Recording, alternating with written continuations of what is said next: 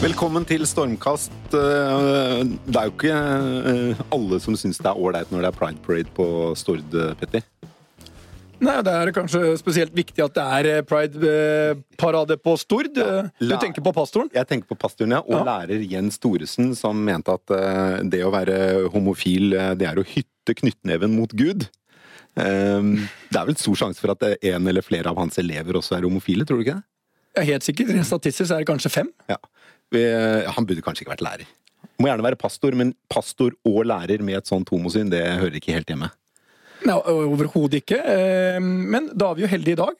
For vi var jo en som eh, fikk en pris, fordi han, det var vel Geiser som eh, ga han pris for Håkon. Hvordan var det? Var det? Det er noen år siden. Ja, det er riktig. Um, ja, jeg eh, var jo Da jeg var stortingsrepresentant, så var jeg eh, representant i Europarådets parlamentarikerforsamling. Og det vi, um, eller jeg da jobba med da, var eh, ytringsfrihet, forsamlingsfrihet og helt grunnleggende rettigheter for LHBT-personer i Øst-Europa. Ja. Og det er jo litt sånn ekko av det vi ser andre steder, at den retten eller ønsket om å sensurere noen som mener noe annet enn seg sjøl, som vi også hører fra denne læreren. Dessverre. Det Og er det er en sånn vandrende steinaldermann som går inn og ut av en eller annen menighetshus på Stord. Eh, han burde holde kjeft, eller i hvert fall når han eh, er lærer. Eh, men det, det ble jo nesten en sånn quiz, det her, fordi vi har jo ikke introdusert noe annet enn som Håkon og homofil, men du er jo Håkon Haugli, administrerende direktør i Abelia. Hei, Håkon. Hei, hei. Også for øvrig kåret til Norges mektigste homofil to ganger. Ja, det er riktig, og jeg blir litt uh, flau av at dere sier det, men uh, sånn er det. og det er og da Får man diplom? Uh, Man får diplom og, og ære og heder, og det skal jo være fordi man har brukt rollen sin til å kjempe for rettigheter, og det er jeg veldig stolt av det. Ja, ja. Jeg syns det Det er er viktig, og, og det er, man tror jo vi har kommet langt, og det har vi faktisk, men grunnleggende handler det jo om at alle mennesker skal ha samme rettigheter, og det mener jeg faktisk er en kamp for det første verdt å kjempe fortsatt, og nødvendig å kjempe fortsatt. Kan jeg si at du, Mens du snakker nå, så folder du hendene dine, og det er mye makt i de foldede hender. Det burde en, det burde en, Til menigheten på det burde en pastor på Stord eh, notere seg. Eh, Velkommen til deg også, Ingrid Røynesdal. Eh, Du er direktør ved Oslofilharmonien. Hei! Hei. Du er første gang du er her, men Absolutt. veldig hyggelig å ha deg her. Og vi snakket jo om eh, CV-en din eh, før, eh, før sendingen startet, Petter og jeg. Og som vanlig når vi ser på folks CV-er, så rødmer vi litt. Fordi det er så mange imponerende CV-er her. Uh, Petter, kan ikke du Ja, altså, gjennom eh, 14 norgesmesterskap i tennis og vært sportskommentator i Eurosport og direktør på Trollhaugen og eh, kommentator og anmelder i Aftenposten og vunnet kulturpris og symfonipris og pianopris og, og kunne fortelle oss her at uh, selv om det var liksom mange år siden hun har spilt piano, så fikk hun et sånn vegg-til-vegg-piano eh, servert foran seg i en bursdag når hun ble var det 35. med Noe sant? ja. Og da leverte hun Hva var det? Jeg husker ikke helt. Spilte Dave Brubeck, Petter. Det var Dave, ja. Dave Brubeck. Ja, det, var, det er han uh, Og da du sa det, så møtte du glassøyet til Petter og meg. Nei, glassblikket. Og så, Men eh, det mest eh, sånn, ikke awkward, mest spesielle Hvorfor studerte du pistolskyting under OL? Ja, men det er jo fordi at jeg alltid har vært opptatt av måte, å maksimere ethvert potensial. Altså, alt jeg går inn i, er liksom utrolig moro i forhold til å prøve å skjønne det. Så stort sett så sier jeg jo alltid ja til ting jeg ikke får til, og ting jeg ikke kan, og prøver å finne ut av det. Og akkurat det med pistolskyting er så ekstremt. ikke sant? Det handler om en millimeter forskjell fra om du tar OL-gull eller ikke. Og eh, på en måte å skjønne den psykologien. Hva er det som gjør at en måte, ligger an til å vinne absolutt, og så siste skuddet kommer du på åtte, liksom. Du får ikke ti som du har fått på alle de Dette kalles nerver. Det, du bør ikke studere, kunne bare ringt meg. Så Dette er naturlige nerver når du ser OL-medaljen blinker i det fjerne. Men hva er er det det et generelt råd, Petter, at du behøver ikke studere, bare ring Petter? Ja, det, det, er, det er sånn eh, Det er, det er Siri på speed. Ja, det er Siri ja, ja, et- å si.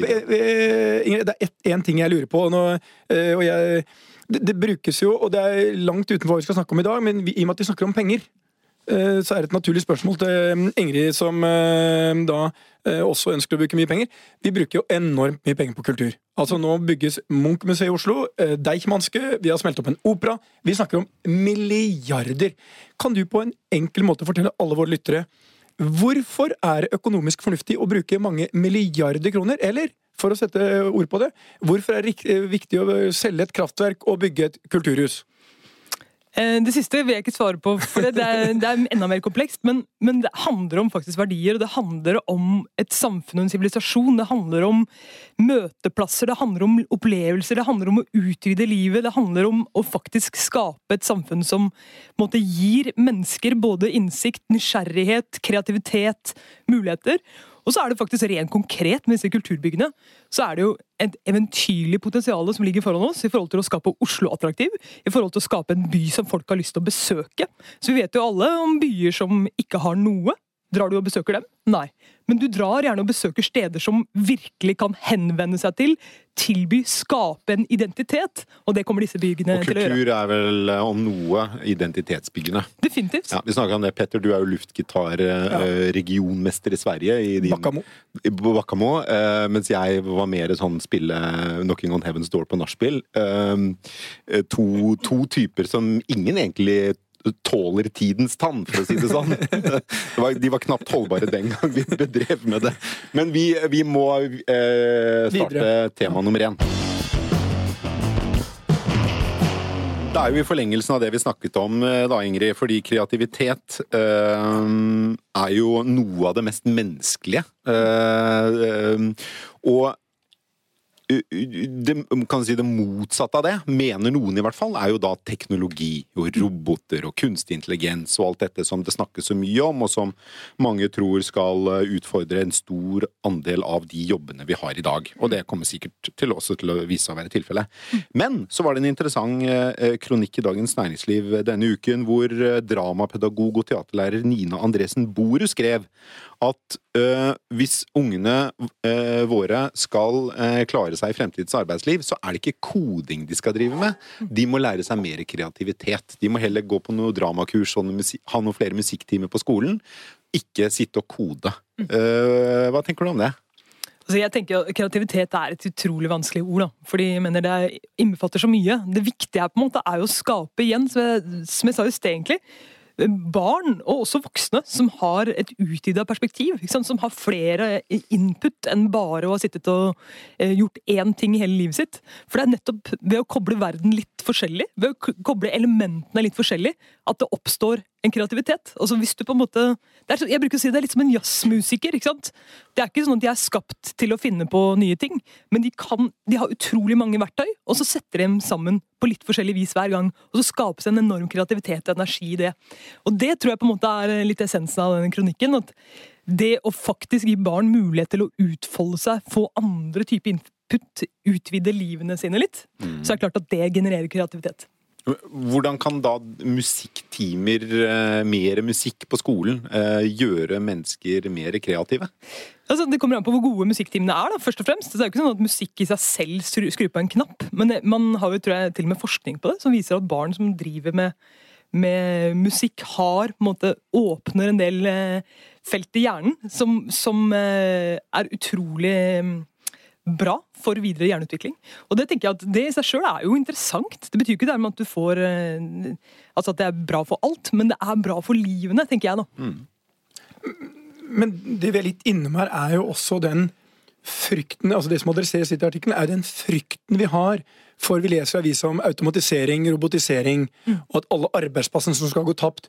Og hvordan vi som nasjon skal møte de utfordringene. Og da er det jo lett å velge at vi skal møte de, må bli enda flinkere på PISA-testen. Som er for øvrig noe jeg irriterer meg jævlig over, er den fordømte PISA-testen.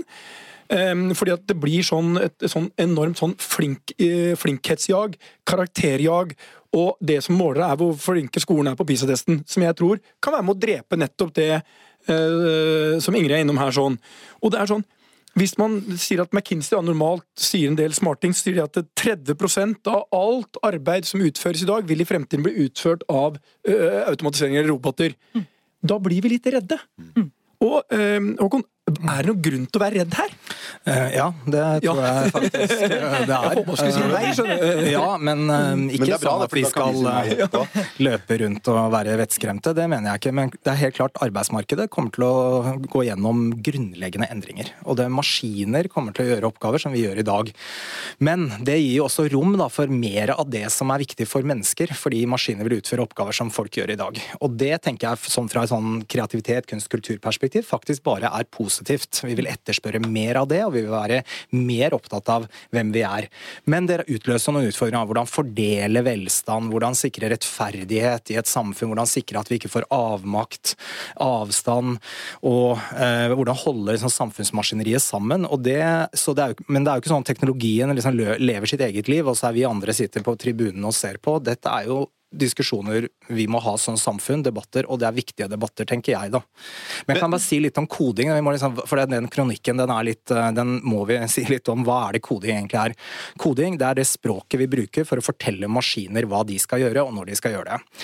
Det er et språk det er som noter eller norsk eller andre språk. Og det å sette det å kunne et språk opp mot kreativitet, det blir helt feil. Fordi det næringslivet vi organiserer i Abelia, de etterspør problemløsningsevne, kreativitet, kreativitet, nysgjerrighet, de egenskapene som du nettopp får gjennom variasjon i opplæringen. Og Det innebærer òg De etterspør også folk som forstår maskiner, for det vil vi alle sammen måtte gjøre. Så det å gjøre det til et enten-eller-spørsmål, det tror jeg er veldig dumt. Vi må gi barn en grunnleggende forståelse av at de kommer til å leve i en verden hvor maskiner kommer til å gjøre nye ting. Det betyr ikke at de skal bli programmerere eller matematikere. Det betyr bare at de må ha en basisforståelse. jeg, tror, jeg, tror jeg er den eneste i studiet som faktisk har jobbet tett på folk som koder. Eh, og jeg har gjort det veldig mange ganger som E24-redaktør eh, når de har utvikla app apper og gjort ting på nettsiden og sånn. Og si, det, det, det, er jo to ting du trenger eh, når du skal være koder. Den ene er jo åpenbart du må kunne et programmeringsspråk. Eh, eller det er tre ting. Og du må, kunne, du må forstå produktet du skal skape, og, og, hvem det skal være for. Men det viktigste, og det som skiller gode fra dårlige kodere, er jo kreativitet. Mm. Er, jo, er jo det som avgjør om de er gode, og om du driver et hotell. Er du god eller dårlig på å drive et hotell? Det er jo mye kreativitet. Eller du sitter i en pod, eller du eh, lager et musikkstykke. Og det er litt det som var litt av mitt poeng også, at poenget her er jo ikke å skape en sånn dikotomi, altså en forskjell mellom enten er du liksom kunstner, og da er du kreativ, eller så driver du med koding, og da er du et eller annet veldig marginalisert et eller annet uh, stibein. Jeg tror nettopp det som kommer til å kunne forløse stort potensial i landet vårt, er jo å kunne få mennesker som har utvida perspektiv, som kan sette sammen det samfunnet vårt på nye måter, som kan være med på å løfte på en måte perspektivet litt. Og da må du ha kunnskap om forskjellige ting. Du må ha nysgjerrighet på forskjellige ting. Og i det, den, eh, den tvisten, da, så tror jeg også kreativitet gjennom kunst, uttrykk, og det å kunne få tak i følelser, det å kunne få tak i på en måte mye større grad av spekter, eh, er veldig bra. Men det betyr ikke at det er mange kunstnere som er lite kreative også. Det er, det er ikke noe det er ikke noe skille der, sånn sett. Men det vi egentlig snakker om, det er jo holdninger til endringer å lære liksom, den kommende generasjon at vi må være åpne for eh, alt det nye som kommer, og hvilke muligheter det har. Så istedenfor å se på liksom, at dette er en trussel for oss, så er det en mulighet. Tenk på alle resepsjonistene jeg har. De fleste de ser nå at vi kan eh, bestille, sjekke inn og betale og gjøre alt med appen. Altså Vi har en egen app som kan gjøre alt. Mm. I realiteten så blir resepsjonistene overflødige. Mm. I utgangspunktet så vil de tenke Oi, dette er en utfordring for arbeidsplassen min. Mm. Eller hvis du snur på det, som jeg sa til de. Nei, nei, nei. Nå kan dere endelig gjøre det dere skal. Mm. Møte gjestene. Nettopp. Nå har vi prata i 50 år om at du blir stående der og slår inn navnet ditt og nummeret ditt. Og alt det er gjort. Du kan møte dem og snakke med dem. Mm. Og da så, så, sier jeg tror det der at du, vi er inne i en tidsalder hvor vi må lære våre barn at de skal være i arbeidslivet i 30-40 år, og de må kontinuerlig være åpne for endring, for å lære sånn nytt. Og da da handler det ikke så jæklig mye om hvilke karakterer du fikk, det er hvilke karakterer vi lærer våre barn å ha for fremtiden. Ja, men tror du ikke nettopp det er Jo større perspektiv og jo mer nysgjerrighet du egentlig har, er det egentlig det handler om. Og, og da tenker jeg at da vil jeg trekke litt paralleller til min virkelighet også. at jeg synes på en måte Litt av utfordringen jeg merker som kulturinstitusjon, da, er litt at det der grunnleggende spørsmålet om trenger man kulturinstitusjoner, den kommer utrolig mye kjappere enn liksom, hvordan kan vi få løse potensialet knytta til synergien mellom kultur, næringsliv, synergien mellom akademia og eh, de store pengestrømmene i samfunnet vårt. Hvordan kan vi få rett og slett sammenføyningen til å bli tettere, og ikke mer på en måte, fragmentert? Mm, ja. Jeg drar en av mine kjepphester her også, fordi sant, lek hvis man tenker på Hva er lek? Lek, eh, barns naturlige lek, den eh, fremmer akkurat de egenskapene som næringslivet egentlig etterspør. Altså I den kronikken vi nå snakker om, så refererer hun til en undersøkelse fra IBM som viser at de har, jeg tror det er 5000 globale ledere som har blitt bedt om å svare på hvilken egenskap er viktigst, og det er kreativitet som kommer øverst. Men det er også noe annet der, og det er å gå på problemløsningsevne. Leken naturlige leken den fremmer det. Det som skjer da i skole, på, på det beste er vårt skolesystem slik at barn har elementer av det. Utforskning. Da tar man med barna til en dam og ser på frosken i dammen og utforsker. På sitt verste er det ikke det i det hele tatt. Da dytter vi barn inn i et, en klasseromsetting. Alle får samme budskap fra en tavle. Det er sikkert nå et whiteboard og ikke en uh, krittavle som det var. Men det er forbausende litt slik det var for 200 år siden. Og det er en skole som ikke uh, fremmer motivasjon. Og det er det tristeste jeg syns med skolen, er at mange småbarn gleder seg veldig til å begynne på skolen, og så tar det veldig kort tid før de syns det er fryktelig kjedelig, og de er understimulerte der. Og dette tenker jeg dette må vi gjøre noe med, nettopp for å gjøre det Petter sier. altså Hvordan forbereder vi dem på det livet de faktisk skal leve, som består av endring, og da må leken få større plass, og vi må fremme altså De må få lov til naturlig å lære de, eh, eller utvikle de ferdighetene som blir viktige. Men er du der da at du mener at det ikke burde være koding på skolen? Nei, tvert imot. Jeg mener koding det er som et språkfag eller matematikk eller noe annet, og det blir viktigere fordi maskinene de, de kommer. altså Dette er viktig at vi forstår den grunnleggende logikken i det. Men det betyr ikke at alle skal bli spesialister i det. Noen må bli det. Men, men det blir litt som å Hvis vi ikke ikke introdusere barn for samspill mellom menneske og maskin i en verden hvor det samspillet får større betydning, så frarøver vi dem faktisk et helt avgjørende verktøy for å forstå hvordan verden vil bli. Så det må vi gjøre. Men, Men også det kan læres på kreative måter. Mm. Men jeg tenker, altså Når du kommer med en kjepphest, så må jeg komme med enda flere. for jeg bare tenker at altså, Du trekker frem leken, og det er helt klart at leken er et element i det. Men jeg opplever i norsk samfunn, og litt av utfordringen med at barn som kommer på skolen, ikke ikke opplever det trøkket liksom, av 'wow, dette er kjempegøy', er jo også altså Jeg bruker å ha jeg har egne foredrag jeg, med gleden over disiplin. Altså Det faktisk å, å, hver eneste dag utvikle seg, hver eneste dag få lov til å bygge kloss på kloss og kjenne på hvilket fantastisk trøkk det er, å bli bedre. Det må vi heller ikke glemme. Så det er liksom Nei, ikke leken i seg selv som er løsningen her. Nei, men leken fremmer det som, som er flyt. da. Du er i flyt, du gjør ja. noe, du lærer deg noe ordentlig godt. Dybdelæring blir ikke borte behov behovet for det. Nettopp. Noen må kunne noe ordentlig godt. Mm. Men hvordan lager vi de arenaene hvor du gjør det? Vi ligger, hvis vi ligger helt i fernissen og alle lærer den samme gangetabellen, da får vi verken eller. Verken kreativitet eller dybdelæring. Og det er mitt poeng. Jeg tror absolutt spesialistenes tid er nå. Mm. Og vi kommer til å få veldig mye mer behov for folk som kan jobbe lenge. Og det er en annen ting jeg uroer meg for, er jo et samfunn hvor alt går veldig fort, og vi får mange distraksjoner hele tiden. Mm. Hvordan sikrer vi at det er ro og tid til at barn og voksne kan komme i flyt å lære noe ordentlig, gå ordentlig inn i noe. Vi har alle vært der at vi har vært så ekstremt opptatt av noe, at vi glemmer å spise og drikke og de helt naturlige tingene. Det kommer det til å bli veldig mye større behov for. Jeg har sånn, litt sånn følelsen av at når vi snakker om at vi må ha, innføre koding på skolen så barna våre skal forstå det språket, så er det litt som om vi for liksom 40 år siden sa at barna må, må lære liksom grunnleggende bilmekanikk for å kunne bruke bilen sin. Er det ikke litt sånn at må man kunne koding for å forstå teknologi og ta i bruk teknologi og være uredd teknologi, men heller se på mulighetene som ligger i det? Er det ikke andre egenskaper som er viktigere? Altså, fordi du har jo fire, fem, seks, sju timer på skolen, da. Man, og noe må bort. Hvis du skal innføre koding på skolen, så må noe bort. da. Mindre gym eller mindre norsk eller noe må bort. Er det så viktig at det er koding vi må lære dem? Og jeg tror det er få som kommer til å kode, og mange som kommer til å bruke.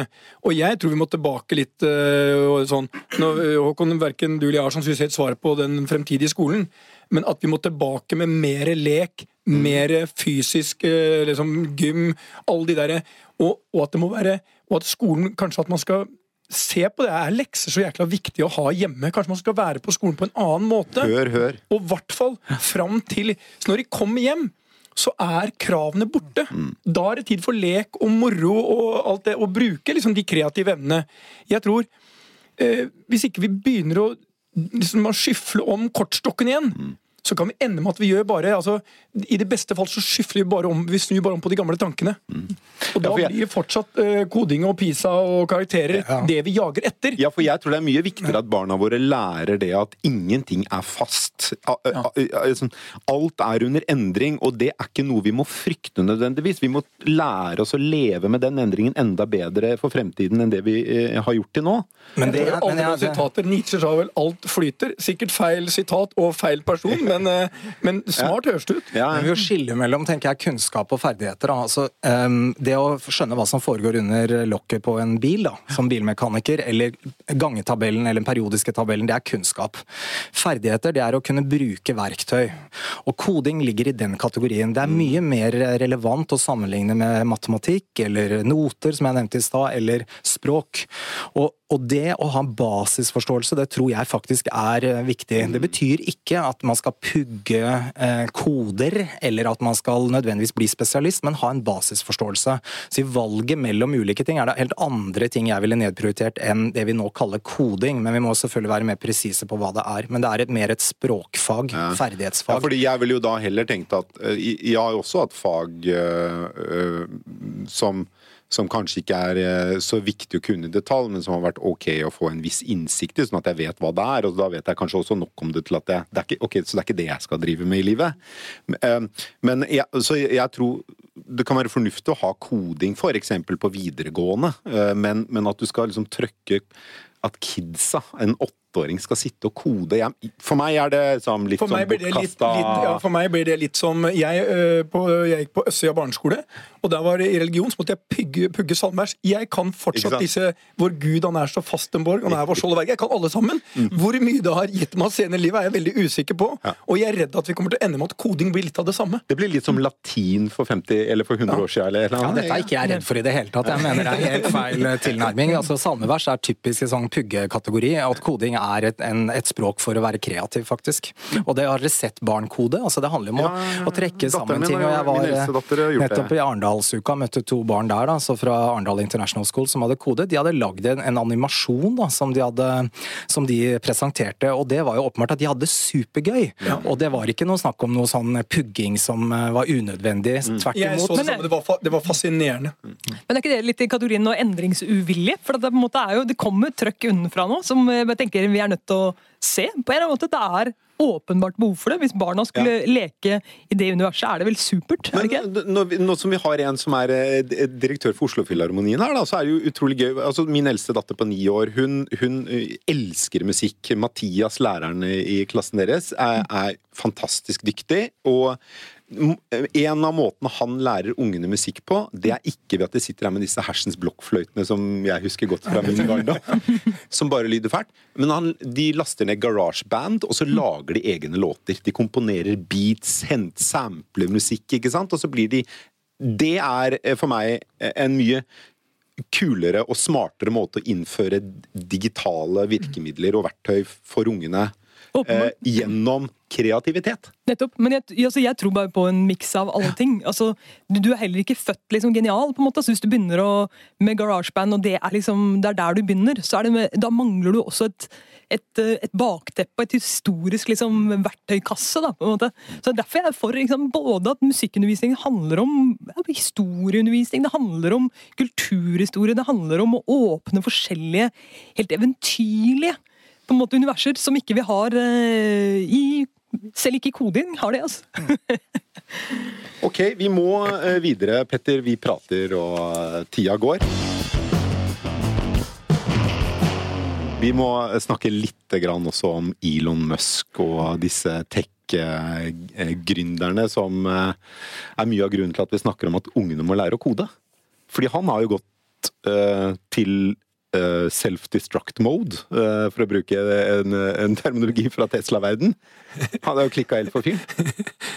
Eh, Skal du dra gjennom litt av det han har drevet med de, de siste eh, ukene? Eh, Jeg kan jo begynne i andre ende. Jeg var så heldig å være på bryllupet til hans bror Kimball Musk Oi. for veldig kort tid siden. Der var Elon. Jeg hadde kjempeforventninger. Dette var rett før marihuanarøykingen og eh, Ja, pedo-uttalelsene. for han og- røyka jo på radio. Ja, eh, Noe han åpenbart ikke burde gjort. Eh, Og eh, han hadde også bud på Tesla skulle ta Tesla-børs.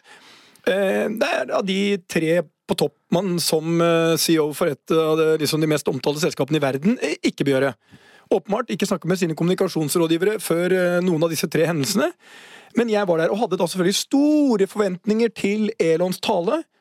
Da skjønte jeg eh, hva som kunne komme, eh, for det var vel eh, Og han hører ikke på Jeg har vel vært i bryllup hvor det har vært holdt dårligere eh, taler, men eh, det er veldig lenge siden, og da var alkoholkonsumet tilsvarende. Så, hvorfor var den dårlig? Hva, hva, hva gjorde den dårlig? Eh, det var eh, For det første så, må du på mange måter adressere til broren din at du er glad i ham og at du setter pris på det som skjer, og så lese et dikt som selv for amerikanere som var til stede, og vanskelig å forstå uh, meningen med. Uh, og for meg totalt uh, uforståelig. Men bare i kraft av at han var Elon, så syns selvfølgelig folk det var bra. Og dette er noe av problemet. Alle disse tech-gigantene som vi lett imponeres av. Nå blir noen av de litt avslørt. Én, de betaler ikke skatt til mange av de land de er i. To, de er med å sende ut informasjon og aksepterer informasjon til fucking sleazeballs. De selger dem på- til De drittsekker. det til drittsekker som bruker informasjonen til å destabilisere mye av det som har vært liksom øh, de viktigste fundamentene for det samfunnet vi har. Så øh, vi må nok ta fatt i disse tech-gigantene og lederen deres og si at øh, de må også stilles til ansvar. Øh, for, de, for det både posisjonen og de mulighetene som ligger i de verktøyene de faktisk øh, disponerer. Kan vi, kan vi si at uh, tech-industriens glans begynner å falme litt, eh, Håkon? Um, nei. Det tror jeg ikke vi kan si. Hvis du ser på verdens største selskaper, så er veldig mange av dem eh, tech-selskaper. Men det er klart dette er jo et eksempel på at eh, det er mye å ta tak i, for å si det litt enkelt. Men dette med skatt, da. Jeg tenkte sånn at eh, her har vi jo en gavepakke til Frp som nå har finansministeren, og har bompengeopprør i mange byer. Det å gå løs på internasjonal skatteplanlegging og sørge for at det blir etablert et internasjonalt system for det, det gjelder jo, vi har snakka om dette før, og gjelder jo ikke bare digitale selskaper, både farmasi og møbler og andre driver med det. Men det er et problem, og det er et problem for nasjonale myndigheter, fordi alle land prøver å ta sine skatter ned for å kunne konkurrere om etableringer, og så får du sånt uh, race to the bottom. zero, ja. Ja. Og det her er jo drepen for land som vårt, som ønsker et velferdssamfunn. Men det er vel ingen bransjer på den rette siden av loven som har utfordra internasjonale skatteregler mer enn tech-bransjen, er- fordi produktet ikke er fysisk, så det er mye lettere å drive med overføringskostnader mellom land, og vips, så er, er inntekten eh, bokført i et eller annet sted hvor det er 0 skatt. Absolutt, og det er jo, har jo med skalering å gjøre. Du kan jo kjøpe hva som helst fra hvor som helst i løpet av noen eh, millisekunder, og det gjør jo at de effektene blir mye sterkere. Og det understreker betydningen av å gå løs på det her. Og det, dette er jo sånn, Man kan bli litt hoderystende av at ikke dette har mer oppmerksomhet i det internasjonale samfunn. Hvorfor har ikke OECD eller EU gått løs Det på det? Nå er EU er på vei er på vei nå. heldigvis. Ja, og det er veldig bra. Jeg mener dette også handler om legitimiteten til eh, teknologibransjen som sådan. Alle skjønner at teknologi bidrar med veldig mye bra. Altså bedre helsetjenester, klimaløsninger osv. Men dette er en skyggeside som ikke bransjen kan leve med over tid, etter mitt eh, syn. Men det, det du er innom, er jo sånn Bare sånn eh, For å forstå størrelsen på disse selskapene Altså Vi snakker om oljefondet er på 8000 milliarder. Som er et helt gigantisk Dette er de største fondene i verden. Apple Apples markedsverdi er akkurat like mye. Ett selskap i USA. Um, Og og Amazons er, Amazons er, enda- like, like ja, stor, omtrent. Samme størrelse. Mm. Google Ja. eh, ikke langt bak. Helt, og, og, og lista er lang, liksom. Og det er Håkon er innom også. Disse selskapene har jo kommet de siste 10-15 årene. Eh, og de kommer til å være med å forme vår fremtid.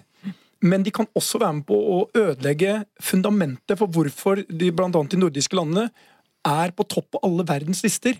Og jeg sier jeg øh, sier at ja, du skal betale en riktig skatt, men jeg ser også konsekvensen av det som skjer nå, og det er ikke bra. Isolert sett bra liksom at øh, nå faller selskapsskatten, men på et eller annet sted må vi si dette må til for å finansiere liksom, velferdsstaten. Skatt er sivilisasjonens kostnad. Og hvis ikke vi adresserer det og løser det, så får vi et gigantproblem. Men er det det at uh, altså, løsningene er så utrolig kompliserte, eller hvor er det egentlig? For dette, det, jo, det er ganske åpenbart at det er, en, uh, det er et felt som må løses, og det ligger vanvittige skatteinntekter som må tenkes på en annen måte. Ja, jeg tror Man bruker dette begrepet 'vinneren tar alt'. Uh, altså Google uh, eksempelvis er jo blitt et verb å google. Er, man tenker ikke på andre søkemotorer. Facebook er helt dominerende som sosialt nettsted. Men det er på en måte bare en overflaten vi alle ser. Da. Og så har du, så det, det handler om er egentlig datamengder, store datamengder, som gjør det mulig å tilpasse tjenester til folk veldig direkte. Og mens man tidligere som markedsføring handler om å nå en gruppe mennesker med en, en tjeneste tjeneste eller et produkt, så kan man nå skreddersy basert på preferanser eller kunnskap om kunden direkte til den som trenger det. Og Det gir en skaleringseffekt. Du kan veldig raskt komme i markedet med noe som er relevant. Så data da, det blir på en måte valuta i det markedet. Men hvorfor finner man ikke de internasjonale løsningene på dette? For det er jo et problem for alle land? Ja, det er jeg helt enig i. Nei, det er et godt, veldig godt spørsmål. Jeg har ikke, har ikke noe svar på det. Men er det fordi svaret er så komplekst? Det er egentlig det som er Ja, det kan man ta litt med det å gjøre. Vi må ikke komplisere så mye at vi mister helt motet her sånn. Det, det er veldig enkelt. Schibsted omsetter for milliarder i Norge. Google og de store aktørene vi snakker om her, gjør det samme. Schibsted betaler skatt, de andre gjør det ikke. Litt forenklet. Og hvis ikke vi løser det, så kan Schibsted velge samme løsninger. Det fins løsninger av at Schibsted kan velge å gå ut. Men hvis alle går ut, hva står vi igjen med da? Hvem skal betale for skolene, utdannelsen, øh, sykehusene, politiet? Og mange, for meg er det, sånn, det er mange som ikke forstår konsekvensen av de tingene som skjer nå. Derfor må vi løse det. Og de tingene vi må løse, de må vi løse. Det er mange som uh, mener at vi kommer til å se en endring i skattesystemet i retning av fysiske eh, altså boliger, f.eks. For eksempel. Fordi at de kan ikke flyttes. I et, I, en digital økonomi kan veldig mye annet flyttes, men de fysiske tingene kan ikke. Og Vi har jo et godt system i Norge som heter moms, altså som innebærer at du betaler en, en avgift der og da. Og jeg tenker at hvert fall noe av svaret her da, kan være en bevegelse i skattesystemet. Mer type eiendoms- og, og beskatning av fysiske eiendeler, og, som alle faktisk har, og mer moms som påvirker pålegges der hvor tjenesten eller produktet faktisk kjøpes. Men det løser ikke det grunnleggende problemet. Ja, på Jeg, jeg, jeg, jeg, tror det fort kan bare gjøre galt eh, enda verre. fordi det du da gjør, er jo at du flytter skattebyrden ned på enkeltindividene. Eh, og som vi vet av eh, lille Norge, som er så velfungerende som det er, så er det jo ikke de rikeste som da ender opp med å skatte. Det er middelklassen og, og de med dårligst inntekt. Så du, da flytter du hele skattetrykket over på dem, i stedet for at du fordeler det ut på bedrifter, og at du i hvert fall skattelegger de rikeste i Norge eh, gjennom selskapsskatten. Så indirekte, før, ut, før, de får utbytte som de slipper unna eh, å skattlegge. Så, altså, jeg, jeg, jeg, mener jo um, mye av det vi ser nå med, med teknologi og liksom Litt utgangspunkt for dette temaet er jo også det at teknologibransjen, Silicon Valley, tech-gründerne har jo i mange lag, spesielt i den vestlige verden kanskje, blitt ned sånn halvguder som så utrolig mange unge gutter og jenter beundrer og har lyst til å bli som. Og hele den der gründerbølgen, som er positiv, har også en skyggeside. Vil jeg si, i hvert fall. Og, og jeg, så, er ikke, så liksom, tilbake til det Petter innledet med, er ikke Begynner de ikke å avsløre seg selv litt nå? Elon Musk er basically bare Han er en kødd han er en skikkelig drittsekk. Flere av disse selskapene gjør alt de kan for å skyve alt de kan av inntekter inn i skatteparadiser, så de kan få mest mulig penger igjen. De selger data for å manipulere demokratiske valg, for å tilby slankekurer til anorektiske jenter, eller hva det enn er. Dette er realiteten i veldig stor grad. Og så snakker de om, når kommunikasjonsfolk som meg da, kommer inn, så snakker de om at nei, vi er her for å gjøre verden bedre. Mm. Det er, uh, men det gjør de jo også. Det er jo en del av det, det òg. Ja. Altså, de gjør verden bedre. Altså bare, altså bare, sånne enkle ting. Tenk hvor viktig digitale plattformer, også globale plattformer, er for norsk næringsliv. Det handler om å distribuere våre varer og tjenester. Og ikke minst hva har vi sett um, altså Vi tenker alt fra å bekjempe klimatrusselen til å ha persontilpasset medisin. altså Teknologi er helt avgjørende. Så jeg tenker det er ikke én boks med selskaper som alle opptrer på en bestemt måte. Dette kommer til å gjennomsyre hele næringslivet fremover. Og det er helt utenkelig å se noen av de andre lederne innenfor samme eh, næring gjøre det som Elon Musk gjør nå. Så det er klart, en enkeltpersons handlinger er jo en, tross alt da, en enkeltpersons handlinger. Eh, og det er mange nordmenn som kjører rundt i Teslaer og som er storfornøyde med det. Og det er jo også en grunn til at Norge er på verdenstoppen i å prøve ut elektriske biler, som jeg syns er helt fantastisk. Jeg, jeg, jeg tror at noe av grunnen til at dette er så viktig, er at hvis vi ikke ikke eh, prøver å, å, stramme opp litt ish, den liksom slagsiden i, i, i digitaliseringen, da. Um, så kan man fort få en motreaksjon mot digitalisering. Ja, og det fort, tenker jeg så vi ikke som, det ved valget i USA med ja. Trump. ikke sant? Hva var det som egentlig skjedde der? Den avmakten man føler når man er, står helt utenfor det der, det tror jeg er hele kjernen her. Og det der, super, super skummelt. Så de er på, man er på nødt til å rydde opp litt i, i disse tech-gigantene òg. For, fordi hvis ikke så sager de selv av den grenen de sitter på, så, så komfortabelt som de gjør. Men jeg tenker Dere som jobber i næringslivet, altså, jeg tenker det har vært mye fokus siste årene på at tilliten til næringslivet synker. og sånn. Jeg tenker at Det er jo dette det er sånne stories ja. som virkelig drar ned. da. Veldig mye av det du Håkon sier, at næringslivet er så verdiskapende til dette landet og alle land. Og så kommer det en sånn eh, en enkeltperson, en superprimadonna? Som, eh, som ødelegger, som, som så til de grader så Det handler ikke om å være annerledes og ha rom for og takhøyde for. Eller noe. Det handler bare om at du gjør en del destruktive ting. Så dere burde være veldig bekymra for det. Ja, det, men det sånn, det, dette handler ikke bare om enkeltpersoner. Det handler om egentlig et system vi er i ferd med uh, å akseptere, som ikke vi må akseptere. Og vi må finne løsninger. Og jeg er litt mer optimist enn Håkon. Jeg tror vi kommer til å finne løsninger hvor vi slipper å legge belastningen på eiendom, eh, forbruk, i og for seg kan vi diskutere, men fordi det er uakseptabelt for resten av næringslivet, som har andre konkurransevilkår i Norge, når de møter de internasjonale gigantene. Så for meg er det sånn, det er bare spørsmål om når, ikke om vi løste dette problemet. Ehm, men det andre, det er sånn eh, Vi må få tilbake i skolen forståelsen av hva det å drive en virksomhet handler om. Det er ikke lenger bare snakk når vi snakker om miljøansvar og samfunnsansvar.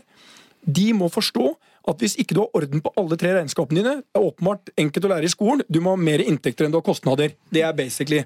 Eh, altså, I hvert fall over tid. Og du må eh, selge noe folk vil ha. Ja, det er, en del sånne basic. Men du, etter hvert så håper jeg at man får et samfunn hvor du stiller krav til Hvis du forsøpler, skal du betale for det. Hvis du slipper ut eh, CO2, skal du betale for det. Og, og samme må du komme på samfunnsansvar. Du må forstå skatt. Vi snakker om skatt som det er en eller annen sykdom, og som de fleste liksom eh, sier Og så forstår vi ikke hva det går til. Det går tilbake til oss.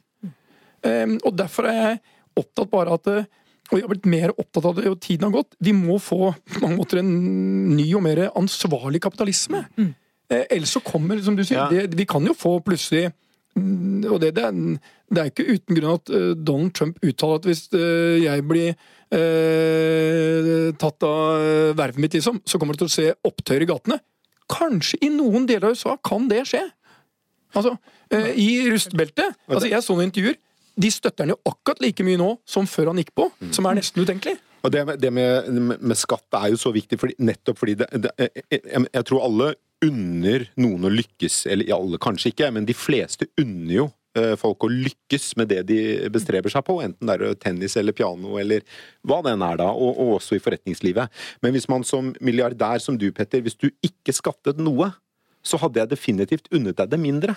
Det er det at man har et skattesystem som gjør at selv de aller rikeste og mest vellykkede, og kanskje særlig dem, eh, betaler eh, noe av det i skatt. Eh, så ja. Men det er jo akkurat det som du sier, og som Petter er inne på, altså det handler om en grunnleggende etikk. Altså Det grunnleggende ansvaret man har inn i denne verden som menneske, er faktisk å prøve å se verden litt større enn seg selv, og prøve å se konsekvensene av sine egne handlinger Enten du er Elon Musk, eller om du er en ja. kunstner, eller ja. og, og, derfor, Ingrid, er jo også, uh, som vi begynte med innledningsvis, om uh, fortell meg om kultur og hvorfor det er viktig.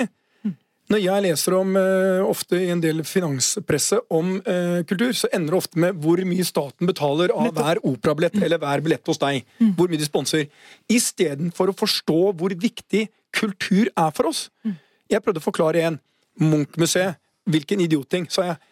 Hvis det er én ting det landet her er kjent for, så er det, e- så er det Munch. Altså, Det kommer til å komme mange mennesker som syns det er fantastisk. Det eneste som ikke er så fantastisk, det er at alle de beste oljene av Munch burde vært på Munch-museet. Og de er vel på et eget Munch-rom i Nasjonalmuseet, men, men det løser man sikkert etter hvert. Men jeg, jeg, jeg sier sånn, så vi må, ha, vi må løfte blikket litt. Og derfor syns jeg liksom kultur, som jeg må innrømme at jeg har forandret syn på, jeg tror det er mye viktigere enn vi tror for livene våre. Men jeg tenker det var utrolig mange av de samme perspektivene som, eller de fordommene da, som lå til grunn for f.eks. Elbphilharmoni i Hamburg, som er sant, et av de aller viktigste kulturbyggene i verden i dag. Som, ble, som sprakk på absolutt alle budsjetter og var verdens største skandaleprosjekt. Eller Hvilket kulturbygg. fantastisk bygg! Ikke sant? Og så kommer det på en måte, så var, hørte jeg at kalkylen, eh, veldig tidlig politisk kalkyle der, var at det skulle komme sånn 600 mennesker med en T-bane ut dit daglig. Fordi det var, var det man potensielt regnet med var interessert i klassisk musikk. Og så tenker man, når man ser resultatet i dag, det er bortimot 20 000 hver eneste dag. De, de er ikke i nærheten av å dekke m- det, den etterspørselen som er. Tenk hva det har å si for Hamburg, for renommé, for eh, økonomi, for alle mulige typer ting som man ikke nødvendigvis skal sitte og måle og beregne. Men det har rett og slett gitt Hamburg et stempel identitet som det ikke hadde før. Hva er Bilbao kjent for? Det er akkurat det. Vi må eh, komme videre, Petter. Ukas bær. Denne uka var det lett. Denne uka var lett. Altså, det, det, var vel, det er vel kanskje den letteste ukas bær vi har hatt uh, siden vi begynte. Ja, Mandag så var det verdensdagen for forebygging av eh, selvmord. Uh, Og en som uh, virkelig har vært med på å snakke om det temaet i offentligheten, er jo Else Kåss Furuseth, som selv mistet både sin mor og bror i, som begikk selvmord.